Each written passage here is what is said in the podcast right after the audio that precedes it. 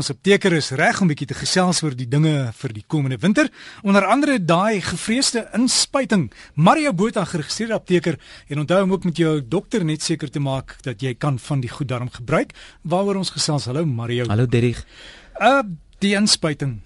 Die gevreesde griepinspuiting. Werk dit? Hoekom is dit griep inspuiting en nie vir koue inspuiting nie? Derrick want hy beskerm ons net teen die virusse, die dooie virusse wat in die inspuiting is en dit is die influenza virus wat dan griep veroorsaak.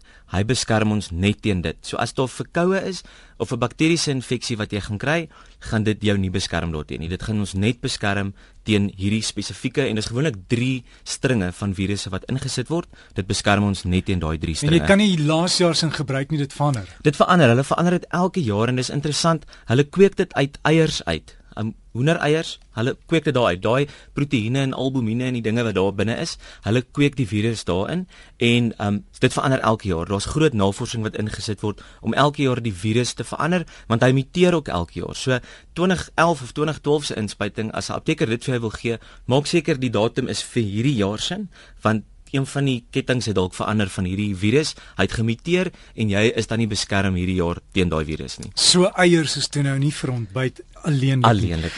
Mario die inspuiting, is dit ooit nagevors dat dit wel werk? En baie mense sê maar hulle glo nie, hulle dink dit is net farmaseutiese maatskappye wat baie geld wil maak. Dit dit is so, dit is baie mense het maar hulle eie opinie daaroor. Ek kry dit elke jaar, dit werk elke jaar vir my en elke jaar word ek nie so siek soos die res om my nie. Seker maar omdat ek met baie pasiënte werk en mense wil nie regtig daai kontak hê met die virus nie en dit ook nie gee aan ander mense nie. So dit is vir my baie belangrik om te kry.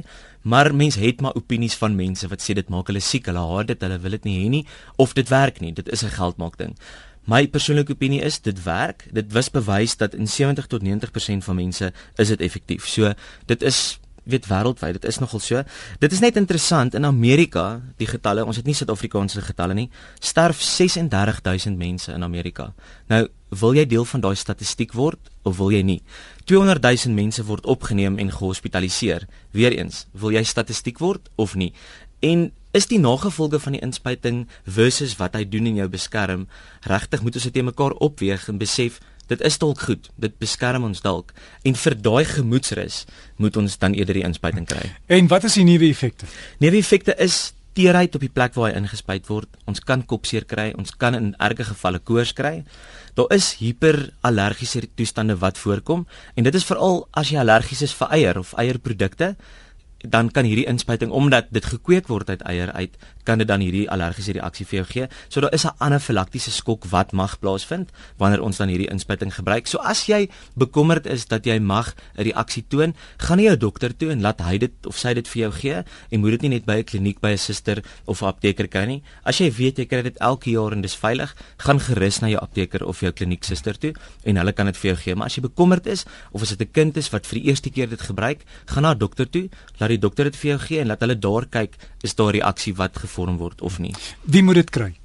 Almal. Hulle sê enige iemand van 6 maande oud af, 'n babatjie van 6 maande oud af en ouer, moet dit kry. En veral as jy ouer is as 65 jaar, moet jy dit kry. Omdat dit ons beskerm teen hierdie influenza virus. En wat die influenza doen is hy gaan na die longe toe, hy veroorsaak hierdie respiratoriese reaksie wat dan ons longe beïnvloed, ons boonste lugweginfeksie beïnvloed. En dan maak hy plek vir 'n opportunistiese infeksie. En dit beteken daar kan 'n bakterie dan inkom en dan ook ons longe beskadig. En dan het jy 'n virus en 'n bakteriese infeksie. Dan moet ons jou behandel met 'n antiviraal en 'n antibiotika.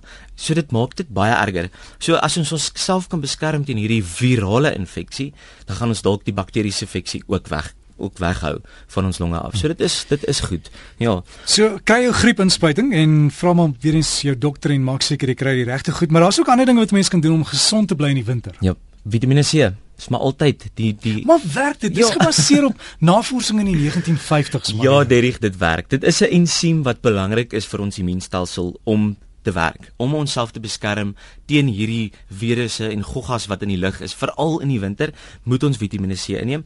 En die aanbevole daaglikse limiet vir mans is 90 mg en vir vrouens 75 mg nou ek weet jy kry preparate wat 500 mg of 1000 mg het. Dit is eintlik te veel. Die kenners sê tussen 200 en 300 mg is die hoeveelheid wat genoeg is om ons te beskerm.